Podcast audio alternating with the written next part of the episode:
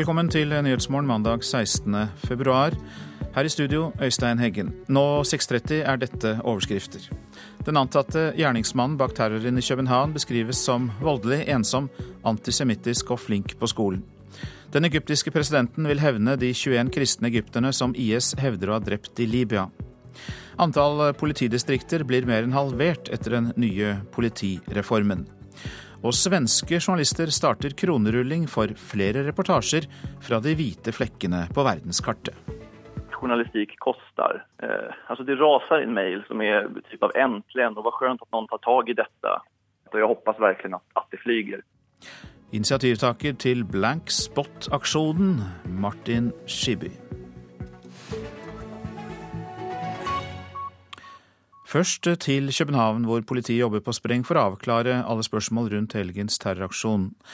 Reporter i København, Martin Sondag. Navnet på eh, den antatte gjerningsmannen som ble drept av politiet, er frigitt. Det var eh, Abdel Hamid El Hussein. Eh, hva mer vet du om denne 22-åringen? Det har begynt å dykke opp en del informasjon om El Hussein. Bl.a. det at han ble løslatt fra fengsel for bare et par uker siden. Eh, etter å ha sonet en dom for grov vold. Eh, han skal Den gang, i 2013, så skal han ha knivstukket en ung mann på toget i København. Eh, han har også sonet dommer for brudd på våpenloven. Det som journalister som fulgte den saken og nå har uttalt seg, merket seg den gang, det var at han ikke ga inntrykk av å være ekstremt religiøs, men heller en utilpass ung mann som hadde lett for å, for å ty til vold.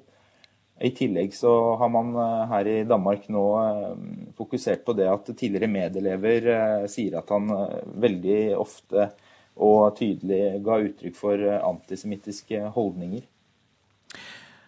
Og hva mer skriver danske aviser om terroren i dag? Dette er jo nå mandagen etter og første dagen hvor man kan skrive ledere i de danske avisene.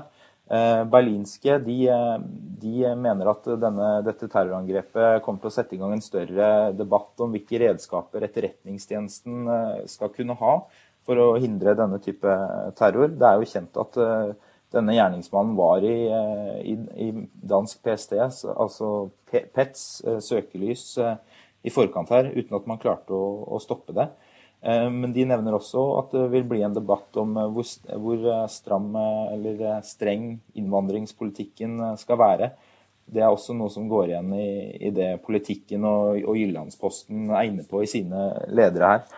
Så mange frykter jo nå et klima hvor det kan bli tøffere, vanskeligere å være muslim i Danmark.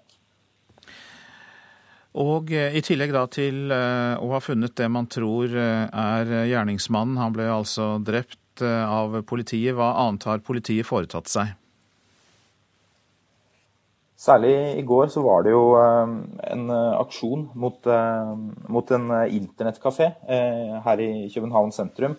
Bakgrunnen for den aksjonen har det kommet fram noe i mediene. Det er mye spekulasjoner foreløpig, men Eh, at dette var en internettkafé der, eh, der, gjengen som eh, El Hussein tilhørte, skal ha oppholdt seg til tider. Jeg besøkte også denne, denne internettkafeen i går.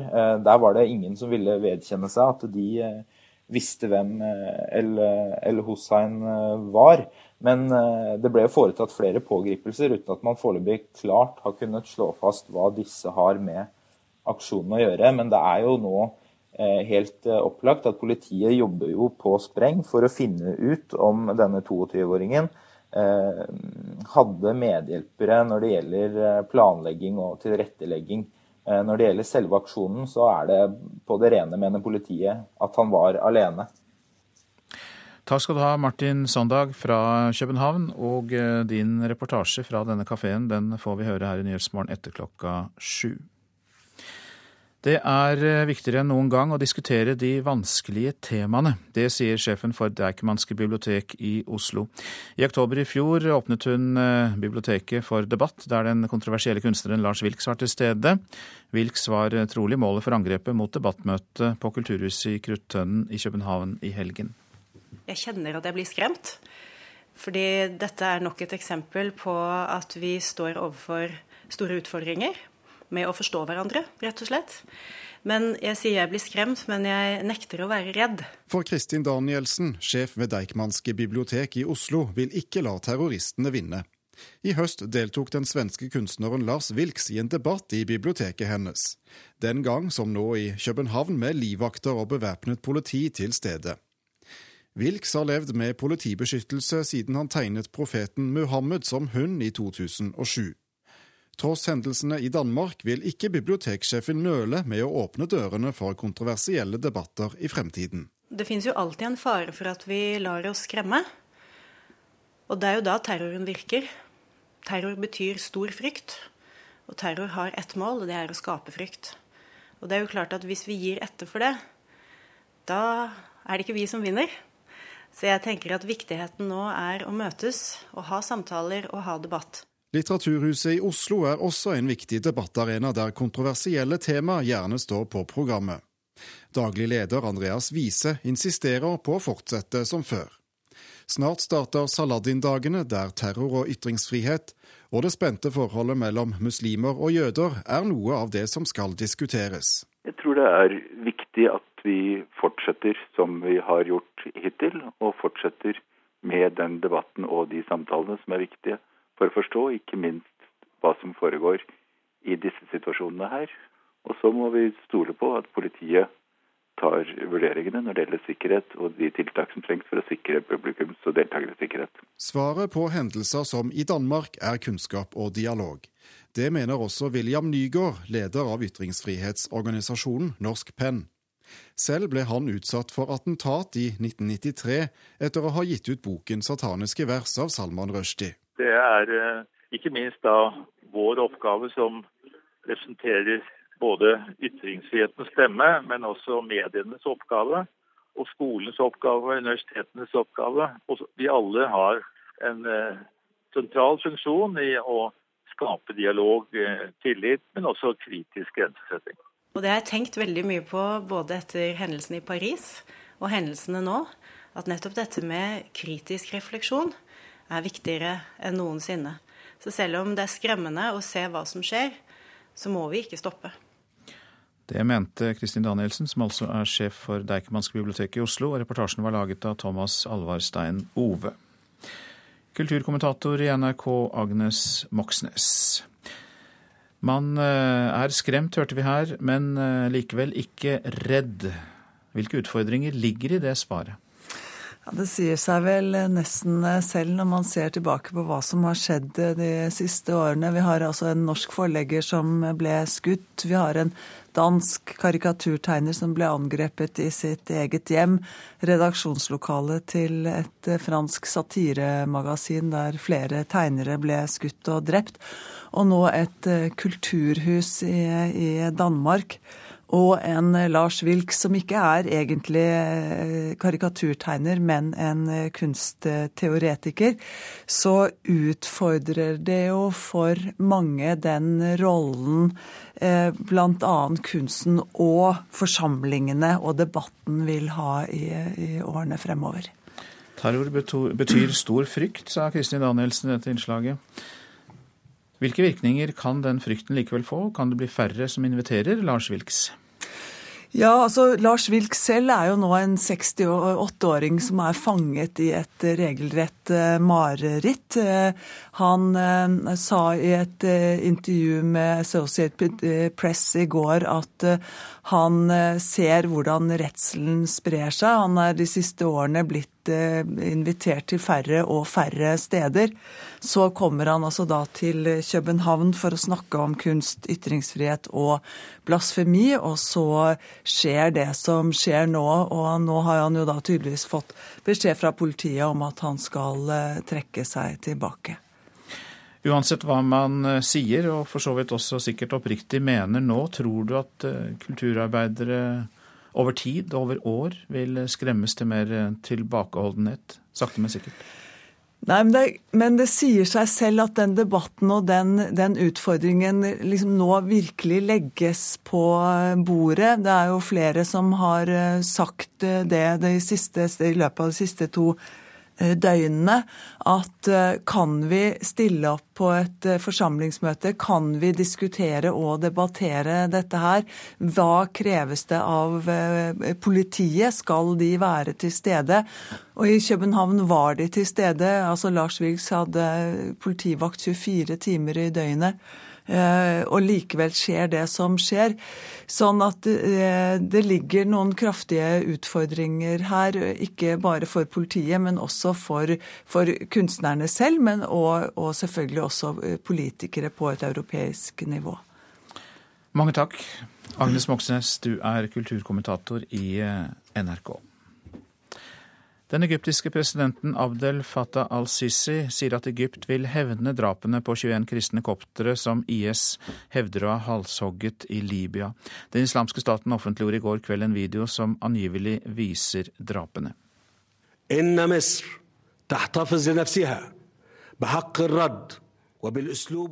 Egyptiske myndigheter vil hevne disse drapene, sier den egyptiske presidenten Abdel Fattah al-Sisi i en fjernsynstale. Han understreker at det skal skje når egypterne bestemmer det, og på en måte som er passende. Al-Sisi sier også at de som står bak drapene er kriminelle som ikke har menneskelige trekk i det hele tatt. Det var i går kveld den islamske staten IS offentliggjorde en video som angivelig skal vise at 21 egyptiske koptere blir halshugget i Libya. IS hevder at kopterne ble tatt til fange i landet. Flere tusen egyptere har reist til nabolandet på jakt etter arbeid etter at den arabiske våren begynte i 2011. Men Libya har vært preget av kaos og anarki siden landets tidligere diktator Muammar Gaddafi ble styrtet samme år. Nå ber den egyptiske presidenten sine landsmenn om å forlate Libya.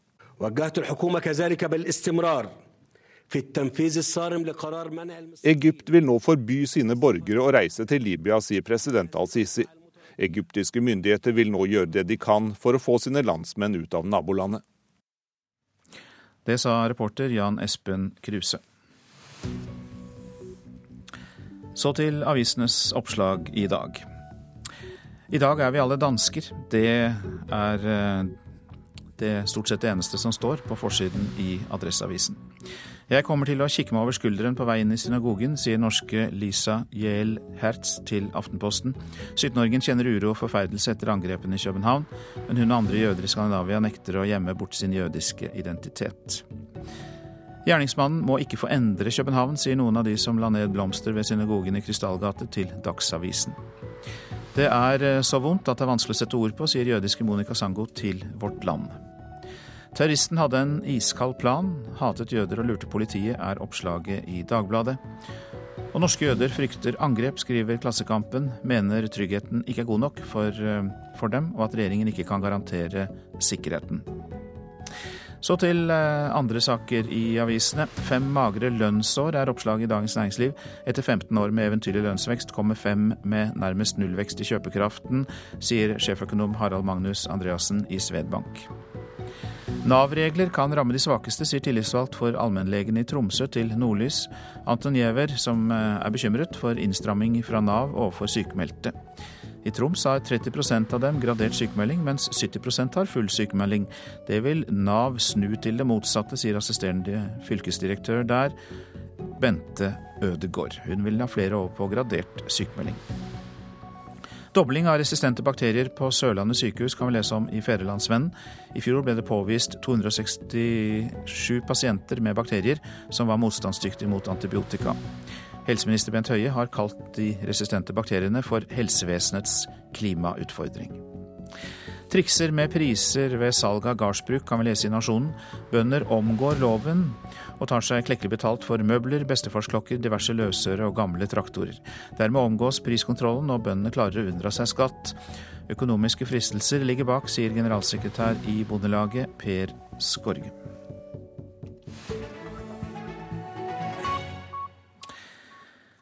Ja, i helgen så satte jo Anders Fannemel eh, verdensrekord, men eh, nå må hopperen nullstille seg, for det er Midtstubakken eh, som er neste post på. Han satte jo verdensrekorden i Vikersund, men nå skal han over til normal bakke i Oslo. Men landslagstrener Alexander Støkkel tror ikke det vil by på noen ekstra utfordringer. Utøverne er egentlig vant til det. Vi skifter bakker ofte, fra større til mindre. Men jeg tror det kommer til å gå greit. Det blir bra. Kom igjen! Kom igjen!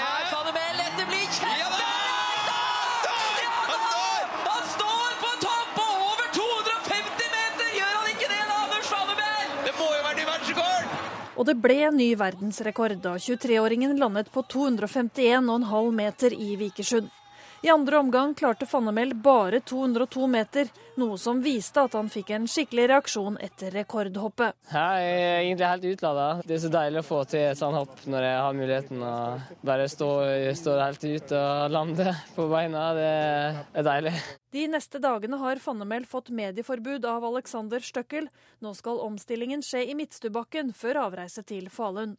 En verdensrekord med i kofferten gjør hele laget ekstra tent foran VM, sier landslagstreneren. Ja, det, det fører til eh, økt selvtillit i hele laget, egentlig. Um, vi vet at vi har en av verdens beste skihoppere, i hvert fall verdens beste skifluer. Og teknikken er jo uh, stort sett det samme i, i en uh, vanlig bakke. Så, så, jeg gleder meg til å dra til dem med et sterkt lag. Og Hilde Liengen var reporter her. Dette er Nyhetsmorgen, og klokka passerte nettopp 6.46. Dette er de viktigste sakene. Den antatte gjerningsmannen bak terroren i København beskrives som voldelig, ensom, antisemittisk og flink på skolen. Den egyptiske presidenten vil hevne de 21 kristne egypterne som IS hevder har drept i Libya. Og hvis pasientene selv kan skrive sine sykejournaler, eller i hvert fall noe av dem, så kan de gi bedre behandling, viser et pionerprosjekt. Og mer om det prosjektet i Nyhetsmorgen snart. Antall politidistrikter blir mer enn halvert etter den nye politireformen. Samtidig legges mange kontorer ned. Men kontorer med stengte dører, det gir falsk trygghet, sier nestleder i justiskomiteen for Høyre, Anders B. Werp.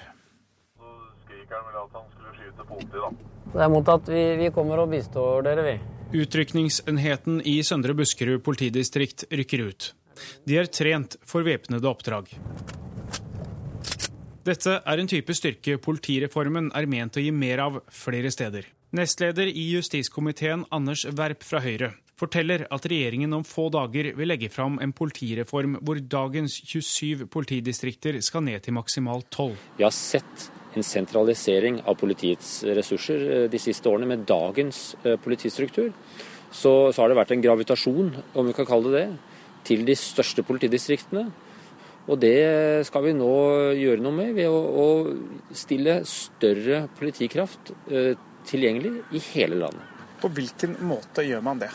Det mest synlige og åpenbare grepet vil jo være at vi reduserer eh, antall politidistrikter kraftig. Det blir mer enn en halvering av antall eh, politidistrikter. Og det er patruljene som skal sørge for at folk føler politiet er til stede. Antall politikontorer skal reduseres. I dag er det 354 eh, lensmannskontorer og politistasjoner. Kun 4% av de er døgnåpne. Dvs. Si at 96% av lensmannskontorene er stengt på kveldstid eh, og i helger. Leder i Politiets Fellesforbund, Sigve Bolstad, er skeptisk. Vi må være der publikum er. Vi må være nært de.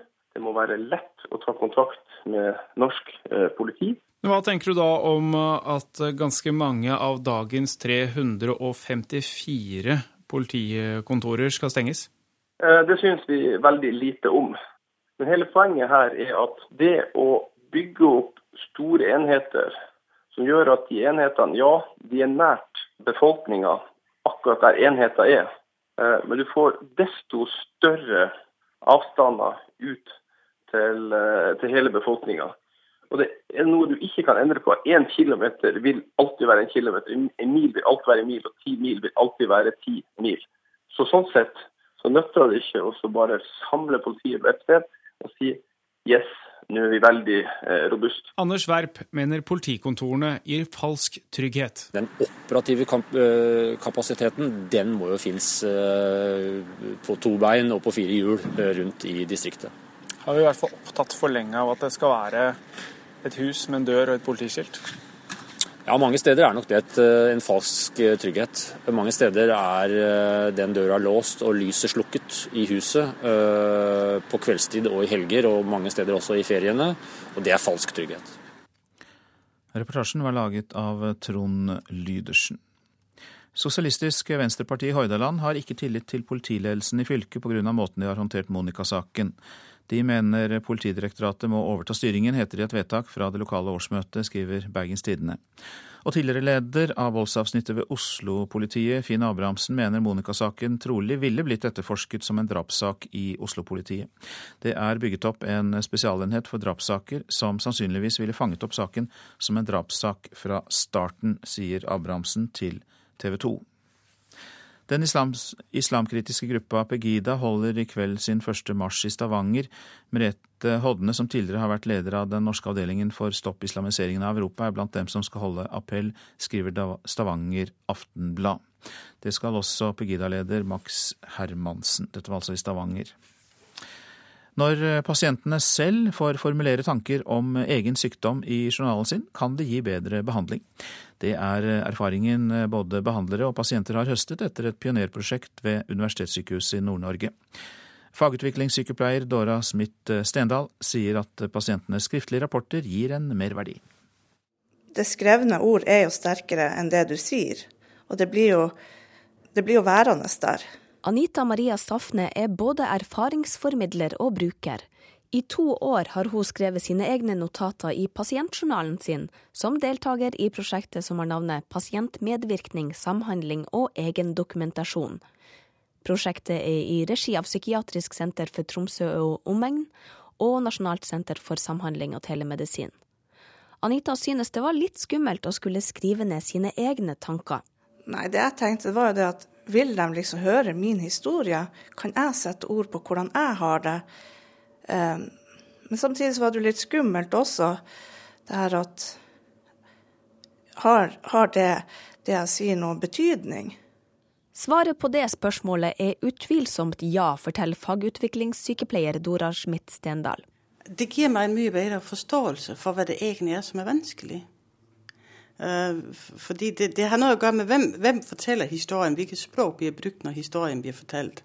Og det, det, det er jo et annet, annet perspektiv. Jeg har kanskje mitt faglige perspektiv inn i det. Pasienten har det opplevde perspektiv. Og det gir en annen beskrivelse. Og nettopp dette brukerperspektivet har vist seg å være nyttig, mener fagutviklingssykepleieren. Nei, det ligger jo alltid en, en, type forståelse og tolkning som jeg som behandler har når jeg skriver en tekst på vegne av pasienten. Hvis vi sier jeg skal skrive for rapporten for pasienten, så har vi en samtale om hva det skal stå. Men det vil alltid ligge en, en eller annen type tolkning fra min side. Så vi er interessert i også å se hvordan er det her når pasienten selv beskriver det. Blir det en annen beskrivelse da, enn den jeg vil gjøre det som personal? Og det vi så langt ser, er at det blir annerledes. Det, det skjer et eller annet når man selv skal beskrive, enn når andre beskriver for en. I journalen skriver Anita og de andre brukerne i prosjektet om hvordan de har det, og hva de sjøl mener de trenger av behandling. Også brukerne mener at det har vært nyttig å skrive ned de tankene de har. Nei, altså, jeg får jo jeg får jo en bedre behandling, for at det her blir jo tatt med som en del av behandlinga når du kommer inn. Altså, hva er det slags plager du har, hva er det du trenger, hva slags behov har du? Og, og det å formidle det skriftlig og bli tatt med som en del av behandlingsplanen, det har jo veldig mye å si for, for hvordan behandling du får. Prosjektet skal nå utvides til å omfatte flere brukere. Fagutviklingssykepleier Dora Schmidt Stendal har tro på at brukerstyrte pasientjournaler på sikt vil bli innført ved flere avdelinger i det norske helsevesenet. Men det var en som sa i stad at før var journalen legejournalen, og så ble det journalen. Og nå er det blitt pasientjournalen. Og det, det er jo klart at som pasientjournalen så må pasientens stemme også være da. Eller pasientens språk. Så jeg tror at det blir å bre seg. Reporter i Tromsø, Marit Garfjell. En gruppe svenske journalister har startet en kronerulling for kvalitetsreportasjer. Mediebransjen kutter kostnader, og færre journalister får drive utenriksjournalistikk, men nå skal den svenske aksjonen samle inn én million kroner til reportasjer fra de hvite flekkene på verdenskartet. Hei og velkomna til denne pressesendingen av Blankspot Projects lansering. Åtte svenske journalister har startet Blank Spot Project, en ny journalistisk satsing som vil være der de store mediene ikke er hva er det vi gjør egentlig? Og da finnes jo ingen bedre person å begynne med enn Martin Chibi. Problemet for de store mediene er penger, eller mangel på penger, rettere sagt. Initiativtaker til Blankspot Martin Chibi, vil la vanlige folk finansiere enkeltprosjekter med høy journalistisk kvalitet, og ikke da gjennom lisenspenger eller annonsører. Jeg kjenner nå at i den situasjonen som er for mediene, så, så måste man finne nye plattformer for å kunne eh, finansiere den. For nordmenn er Shibi kanskje mest kjent som en av de to svenskene som satt fengslet i Etiopia i 14 måneder mellom 2011 og 2012. Grå sprinkelvinduer ble en inspirasjon for dette prosjektet. De erfarenhetene fra å ha vært fängslad i, i 438 dagar och ja, de saker som, som, som vi ändå utsattes för har har ju gjort en än mer övertygad om, om vikten av journalistik och, och journalistikens någonstans uppgift att att bära hem en berättelse, reporteruppdraget. Men dette reporteroppdraget, samfunnsoppdraget, hvordan skal man ivareta det og integriteten sin når reportasjene blir finansiert av personer? Maren Sæbø i verdensmagasinet X er kanskje den eneste nordmannen som har dratt på crowdfundet reportasjereise. Altså, Noen var kritiske, det syns jeg er helt riktig, det, det, bør man være. Hun reiste til Nigeria med finansiering fra 80 mennesker, deriblant en som jobbet i en bedrift med interesser i nigeriansk olje. Det var jo spørsmål om om man kunne klare å beholde uavhengigheten. Eh, og som eh, redaktør så er det selvfølgelig noe jeg er opptatt av. Man lever jo av sin egen integritet. For meg så var jo det da også viktig at det var åpent hvem som bidro, og at det, det lå jo ute på den nettsida. Pressegeneral Kjersti Løken Stavrum ønsker crowdfunding hjertelig velkommen til Norge, men mener man må skille mellom spleising og sponsing. Når du da drar det over til sponsing, så er det Da snakker vi om store enkeltsummer som, som av naturlige årsaker kan, kan påvirke journalisten til å, til å vri innfallsvinkel og da er det ikke fri journalistikk lenger, da er det, da er det bundet journalistikk. Stavrum tror crowdfunding vil også slå utover Norge i større grad i fremtiden, og roser det svenske initiativet og Shibby. Vi, vi forsøker liksom i denne innsamlingen forklare at, at journalistikk koster. Eh, det koster vaksinasjoner, forsikringer. Eh, og, og tydeliggjøre så at si, hva, man, hva man får om man, om man, om man støtter oss med med penger. At det er et marked for at folk betaler for kvalitetsjournalistikk, er han ikke i tvil om. Eh, altså Det raser en mail som er typ av 'endelig', og hva skjønt at noen tar tak i dette. Jeg kan kjenne at det her er eh, blant, blant det roligste jeg har lansert, og jeg håper virkelig at, at det flyger. Initiativtaker til aksjonen Blank Spot, Martin Skiby, og så langt er over 150 000 kroner samlet inn. Reporter Adrian Nyhammer Olsen. Værvarselet. Fjell i Sør-Norge. Sørlig kuling utsatte steder. Litt eh, snø av og til, vesentlig øst i Langfjella. Østland og Telemark får spredt snø i dag, men regn på kysten. Agder liten kuling på kysten vest for Oksøy. Litt regn, snø over 300 meter. Rogaland sørøst sterk kuling utsatte steder. Litt sludd eller snø i sør, ellers oppholdsvær. Hordaland og Sogn og Fjordane sørøst sterk kuling utsatte steder. I Hordaland stedvis liten storm. Oppholdsvær. I kveld kan det bli litt sludd eller regn. Møre og Romsdal sørøst sterk kuling utsatte steder. Oppholdsvær. I kveld kan det bli litt sludd eller regn i sørlige deler av Møre og Romsdal. Trøndelag sørøst sterk kuling utsatte steder. Ellers pent vær i Trøndelag. Nordland og Troms sørlig stiv kuling utsatte steder. Ellers til dels pent vær også der. Finnmark sørlig stiv kuling utsatte steder. Stedvis lave skyer, men ellers til dels pent vær i Finnmark. Nordensjøland på Spitsbergen sørlig liten kuling utsatte steder. Litt regn eller sludd. Temperaturer målt klokka fire. Svalbard lufthavn pluss fem. Kirkenes minus ni. Vardø minus seks. Alta minus sju. Tromsø pluss én. Bodø pluss to. Brønnøysund pluss tre. Trondheim-Værnes pluss én. Molde, Bergen og Stavanger alle med fire plussgrader. Kristiansand-Kjevik tre plussgrader. Mens det var minus fire på Gardermoen klokka fire. Lillehammer minus fem. Røros minus sju. Og Oslo-Blindern hadde minus to.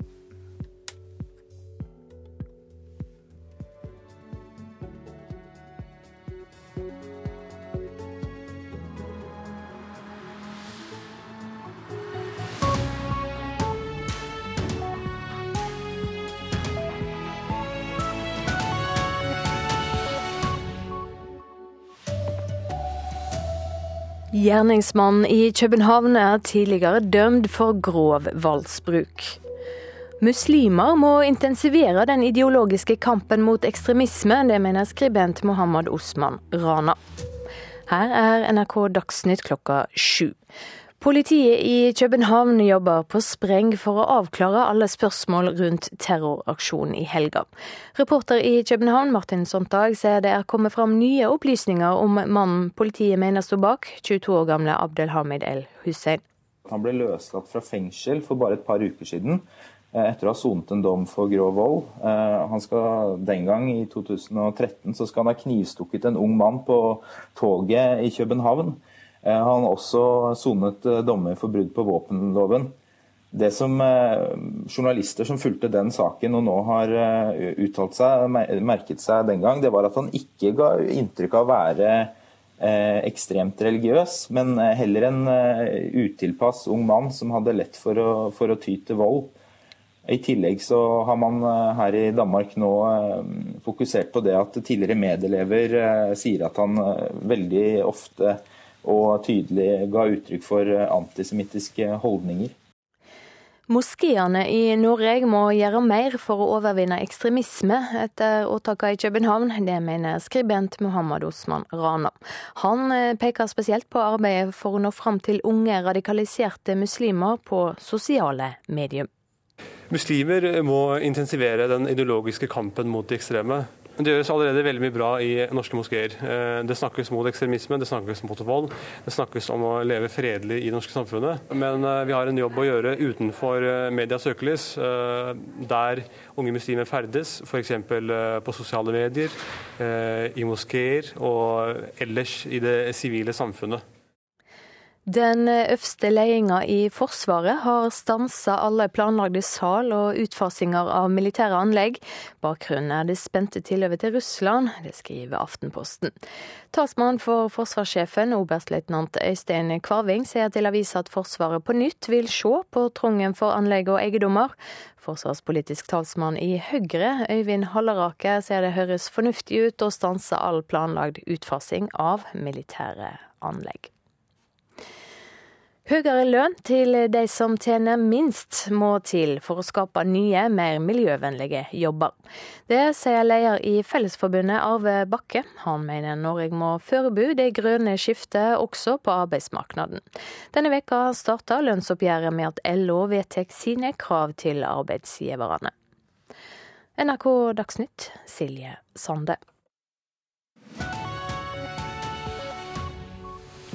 Nyhetsmorgen fortsetter med disse sakene. Etter terroren vil danske politikere ha strengere innvandringspolitikk. Muslimene tror det blir vanskeligere å bo i Danmark. Blir samfunnene våre mindre frie i kampen for å forsvare frihet for ytringer og religion? Det spørsmålet stiller vi også i Nyhetsmorgen. Og klarer den greske regjeringen å kutte Hellas' gjeld? I dag starter nye runder med finansministrene i eurosonen. Og vi skal høre at hunder blir forgiftet av hasj. Politiet advarer hundeeiere mot hasjdepoter i Oslos parker. Flere danske politikere tar til orde for en strengere innvandringspolitikk etter terroraksjonene. NRK har besøkt internettkafeen Powerplay i København, som skal ha vært tilholdssted for gjengen til den antatte gjerningsmannen. Blant kafégjestene er det flere som er bekymret for at terroraksjonen vil gjøre det vanskeligere å være muslim i Danmark. I mean, it's probably understandable uh, uh, after what happened yesterday. Yes. So, I mean, it, it was brutal. Yeah. It was really. But if that's what it takes to to get the the person who were behind it from yesterday, it's okay. Politiaksjonen var brutal, den var det. Hvis det er det som må til for å finne ut mer om personen som sto bak terrorangrepene, er det ok. Det sier Amanat Hussain, som driver internettkafeen Powerplay i København. Søndag ettermiddag slo politiet til mot kafeen, som skal ha vært et samlingssted for gjengen den antatte København-terroristen var en del av. Fire personer ble pågrepet i aksjonen, alle tidligere kunder, ifølge innehaveren. På internettkafeen er det ingen av dem NRK snakker med som kjenner terroristen. En kafégjest som ønsker å være anonym, vil heller snakke om hvordan terroraksjonen vil gjøre det vanskeligere å være muslim i Danmark. Etter det er selvfølgelig noen politikere som vil slå platt på det for det er snart valg. Så vil de jo selvfølgelig uh, utnytte denne situasjonen og så angripe muslimene. Så se muslimer hva de, hva de gjør. Hva de gjør. I blomsterhavet utenfor synagogen i Krystallgate står forstander i Det jødiske samfunn, Dan Rosenberg Asmussen. Han kjente sikkerhetsvakten som ble drept natt til søndag, og er overveldet over støtten trossamfunnet har fått etter hendelsen. Jamen altså, jeg, jeg er sjokkert, og på samme måte som jeg er sjokkert, er hele den jødiske menighet sjokkert. Øh, men øh, vi er også rørt over den øh, støtte der er. Som du kan se, massiv støtte. Hele altså, halvdelen av det danske folketing har vært forbi i dag. Støtte til gengivelse for mange organisasjoner, også muslimske organisasjoner. Viktig. Så, så ja, altså det, det varmer. Men innerst inne er vi jo sjokkerte og triste. Det, det kommer vi ikke utenom. Asmussen håper og tror at terrorangrepene ikke vil gjøre det vanskeligere å tilhøre en minoritet i Danmark. Nei, det tror jeg egentlig ikke. Altså, jeg tror vi skal holde fast i det gode samarbeidet vi har med moderate muslimske organisasjoner. Øh, vi, vi har behov for å arbeide sammen om øh, toleranse og respekt for religion. Vi går, vi går heller ikke inn for øh, at, skal man si, øh, å spotte religiøse. Det har vi til felles med, med, med muslimerne. Vi, øh, vi gjør ikke grin med hverandre pga. religion. Øh, vi, skal, vi arbeider for et fredelig sameksistens. Vi har noen felles utfordringer øh, omkring øh, religiøse ritualer som vi arbeider for politisk. Det vil vi fortsette med. Og jeg tror det er veien til en, en fredelig sameksistens. Det vi er bange for, det er ekstremistene. Og reporter i København var Martin Sondag. Etter angrepene i København mener skribent Mohammed Osman Rana at de vanlige muslimene og moskeene må gjøre mer for å bekjempe ekstremister. Studentorganisasjonen Islamnett mener at moskeene allerede gjør mye. Men Rana sier at de må bli flinkere til å nå ut til de radikaliserte via sosiale medier. Muslimer må intensivere den ideologiske kampen mot de ekstreme. Det sier skribent Mohammed Osman Rana. Han synes det er bra at muslimske ledere fordømmer vold, terror og ekstremisme, men mener moskeene kan gjøre enda mer for å hindre at unge blir radikalisert. Fordømmelse i media er eh, vel og bra, men eh, vi har en jobb å gjøre utenfor eh, medias søkelys, der unge muslimer ferdes, f.eks. på sosiale medier, i moskeer og ellers i det sivile samfunnet. Rana peker på at islamske ekstremister ofte er unge, utilpassede menn med en kriminell bakgrunn. Den terrormistenkte 22-åringen i København hadde også et kriminelt rulleblad. Motivet hans er ukjent, men han kan ha vært inspirert av ekstrem islam. Mange av disse ekstreme er på kant med de etablerte islamske miljøene. Nettopp fordi at eh, de har erfart at eh, mainstream muslimer ikke er interessert i å dele dette antivestlige hatet og eh, jødehatet som ekstremistene har. Så det handler om å adressere disse problemstillingene. Og også uh, være mer aktiv på sosiale medier for å fange opp uh, unge som kan uh, være i faresonen. Vi har tatt direkte til motmæle når det gjelder denne terrorideologien som enkelte forsøker å spre her i Norge. Leder for den muslimske studentorganisasjonen Islamnet, Fahad Qureshi, sier at de hele tiden lærer unge at terror ikke er forenlig med islam. Det ikke, kunne ikke vært formidlet bedre, i våre miljøer i hvert fall. Og moskeene er kjempeklare på at islam er en fredelig religion. Hvis det ikke formidles godt nok, så er det sannsynligvis i de miljøene som er utenfor moskeene. Og Da må man jobbe for å gi moskeene mer ressurser, slik at de kan inkludere flere mennesker i aktivitetene hvor de faktisk eh, eh, lærer dem at eh, islam er en fredelig religion. Reporter her var Martin Holvik. Kjetil Widsvang, god morgen. God morgen. Du er kommentator i eh, Dagens eh, Næringsliv. Og eh, Anledningen til at vi ba deg komme, er jo at terroren i København sannsynligvis kommer til å prege den norske debatten om sikkerhet. Du skriver om det i dagens utgave av avisa. Bl.a. om verdikonflikten mellom jihadister og vestlige demokratier. Hva frykter du ligger i den? Det er klart, Når man dreper jøder fordi det de er, og ikke for noe det de har gjort, når du går løs på ytringsfriheten, så har du en sånn ekstremt sterk konfliktsone her. Som eh, gjør at man i vestlige samfunn vil være villig til å ta i bruk hardere midler. Og det er det vi ser nå. Men kan vi risikere å miste friheten for å forsvare friheten? Ytringsfriheten og religionsfriheten? Det er jo litt på vei eh, den veien. Eh, I forrige uke var det EU-toppmøte, hvor du hadde etter Charlie Hebdo-episoden hadde nye tiltak mot terror, hvor du får sterkere yttergrensekontroll, sterkere etterretningssamarbeid. Og du hadde også i forrige uke i Europaparlamentet, hvor man så sent som i, for, i fjor bestemte seg for å være mot utveksling av passasjerdata fra flyselskapene, men hvor man har snudd pga. situasjonen nå.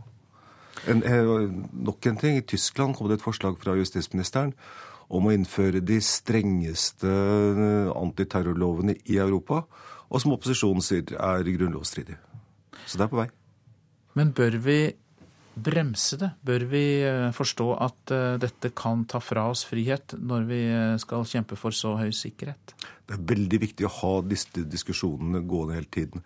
I USA etter 9-11 i 2001 så kom det et rush av lover hvor man gikk veldig lett på dette, på dette her. Du fikk Homeland Security Act og en del annet som ga masse myndighet til overvåkerne og som de åpenbart tok veldig lett på, på borgerrettighetene. Og det er nøyaktig der vi er nå. For det er klart, altså sånn som den store debatten vi har foran oss nå, gjelder nettet. Når folk på sånn Breivik-vis kan sitte hjemme og bli radikalisert helt uten kontakt med andre. Det hjelper jo ikke gammeldagse politimetoder. På den andre siden skal vi slippe inn overvåkerne fullt der. En diger diskusjon nå allerede gående mellom de store selskapene Google, eh, Facebook og eh, myndighetene som gjerne vil inn og få kodene for å få plass. Og det er klart, det, det er kjempevrient. Men hva går den konflikten ut på, den med Google og Facebook? Kan du si litt mer om det? Ja, altså Det går delvis på sånn, kryptering og alle de mulighetene man kan bruke disse nettverkene uten å bli fanget opp av overvåkerne. Det går på en del koder som selskapene har, som politi overvåkerne gjerne vil ha, og som de ikke har lyst til å gi fra seg, delvis pga. for å beskytte kundene sine, og delvis sikkert for å beskytte seg selv.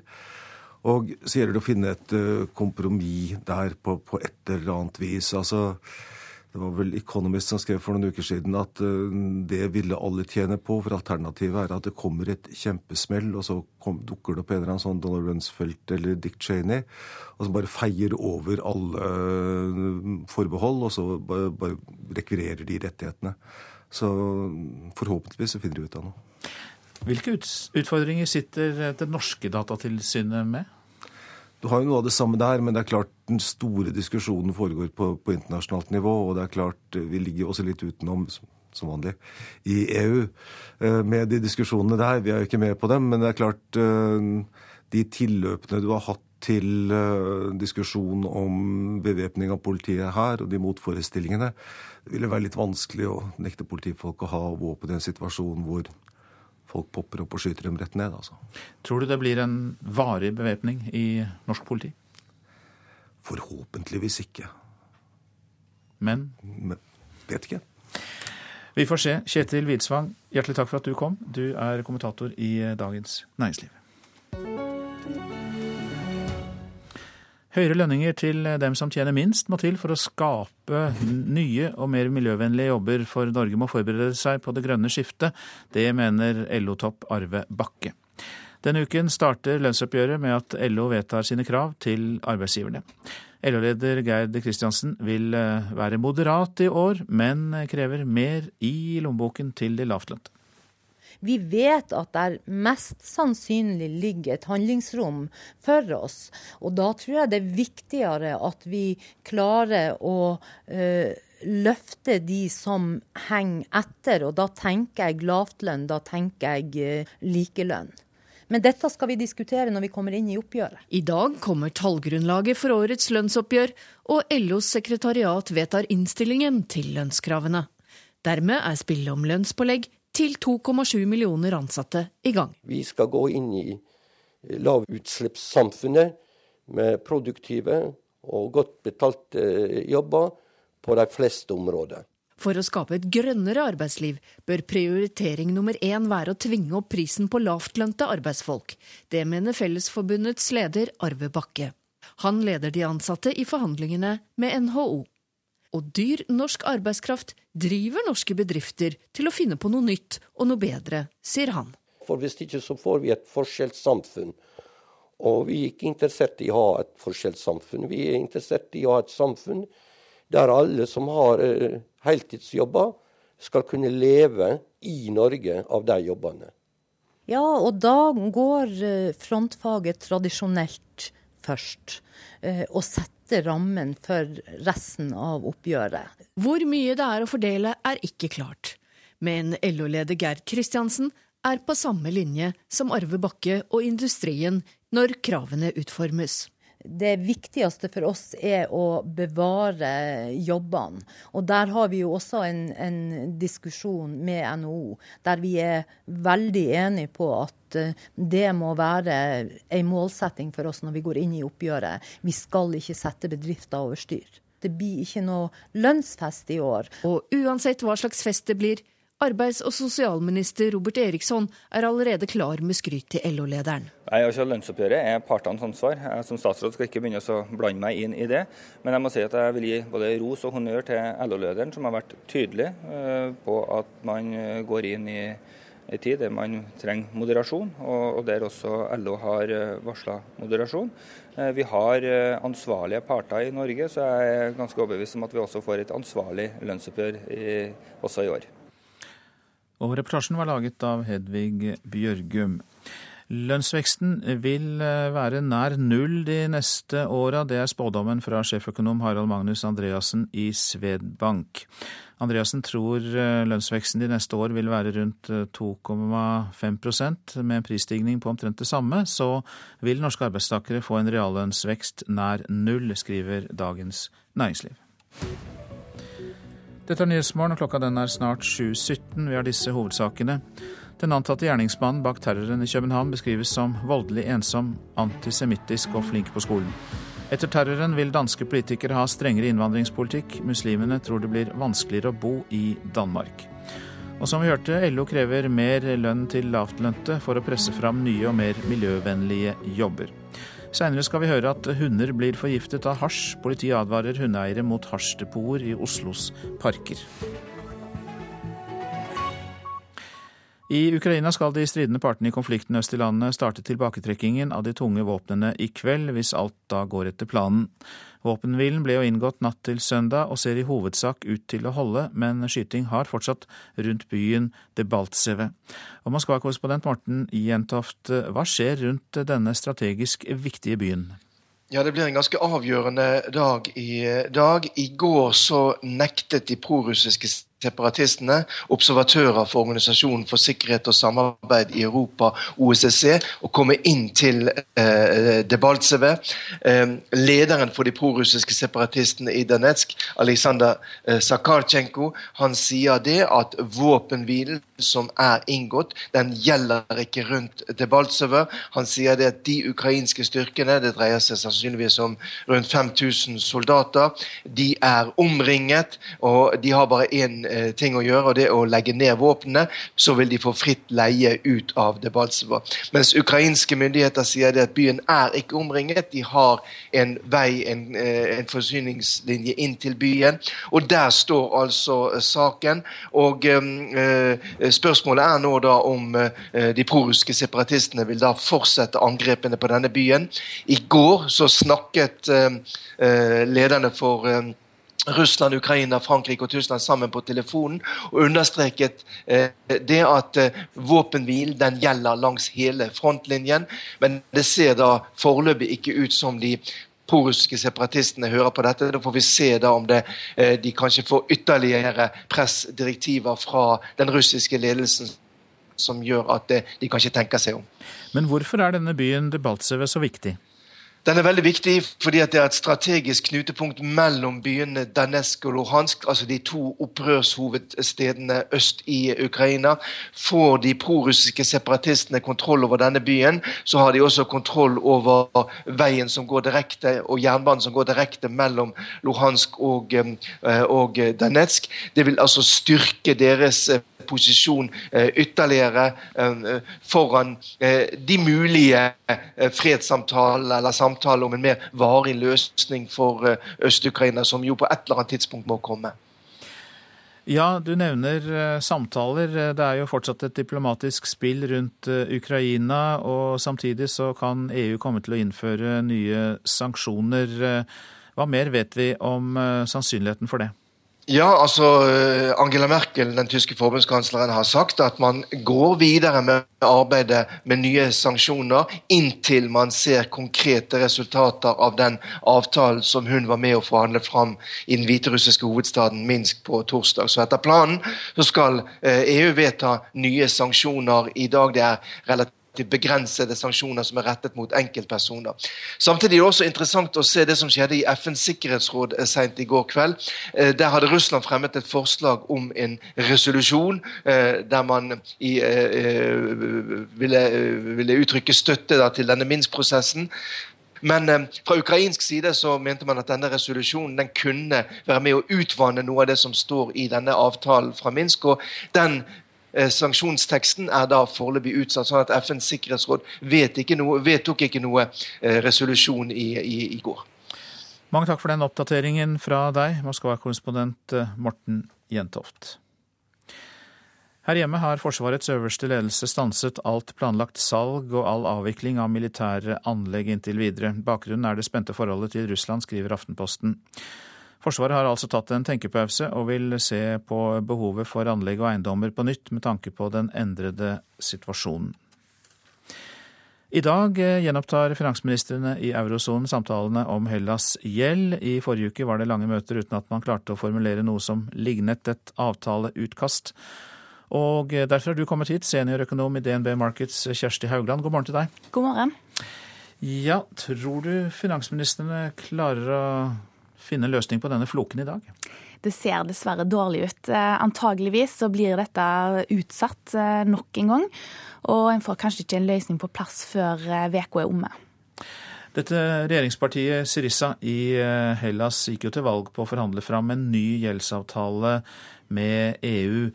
Hva ligger det kravet fra den, fra den nye regjeringen?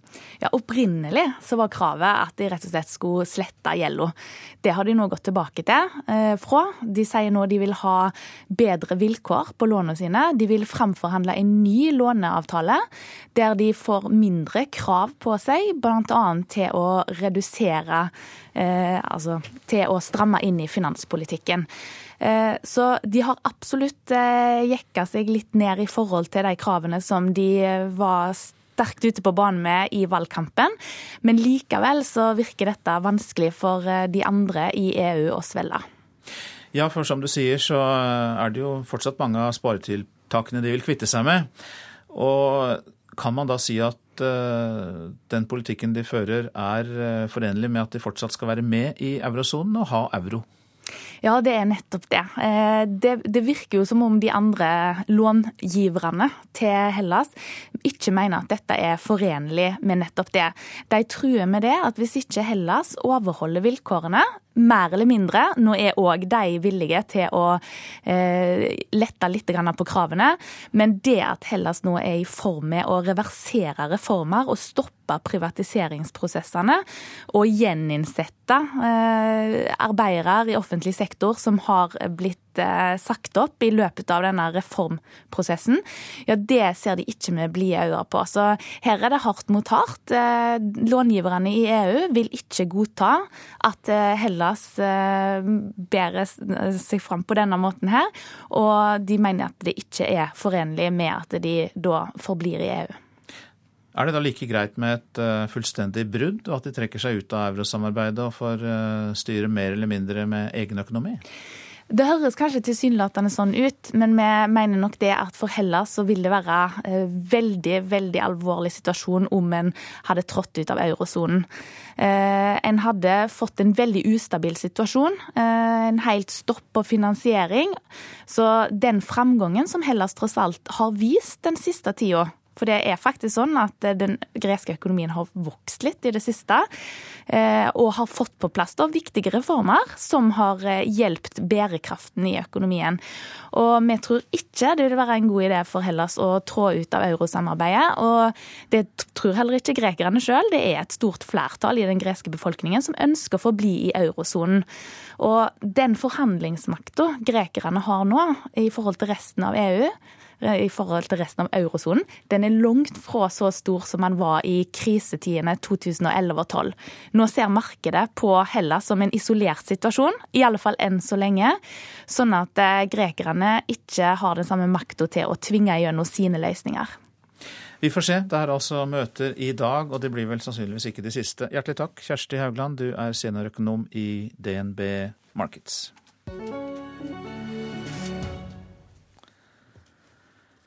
Så til det avisene er opptatt av i dag. Vi er alle dansker, det skriver Adresseavisen.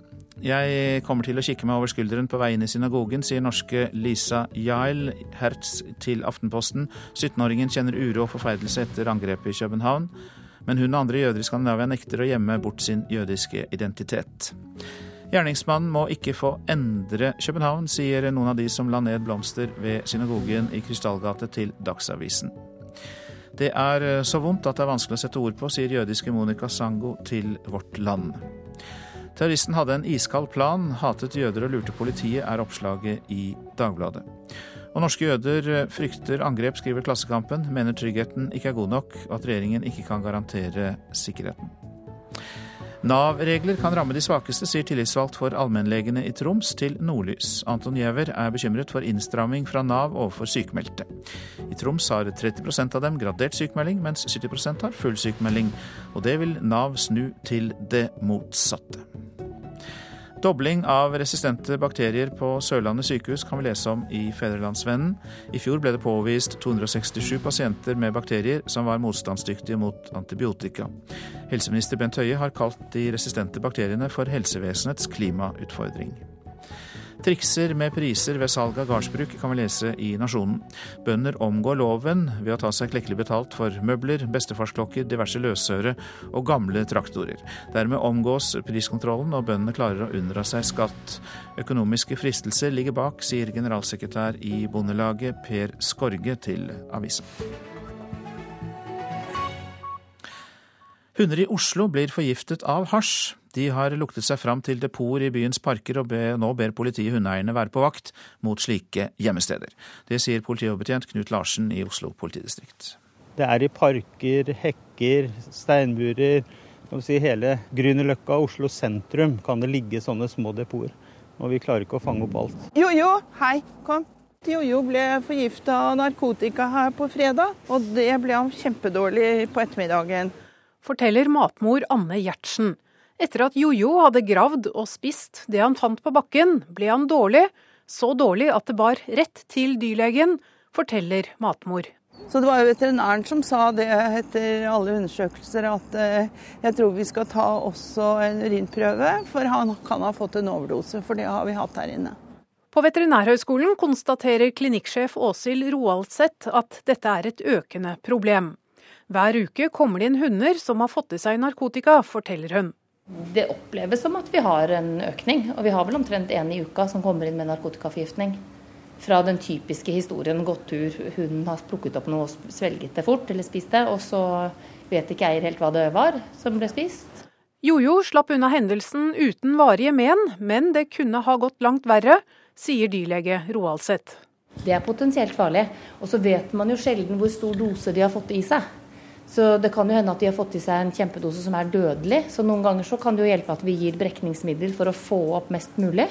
Nå ber politiet hundeeiere være mer på vakt og holde hunden i bånd. Vi er til stede i åpne rusmiljøer hele uka, men vi klarer jo ikke å fange opp alt.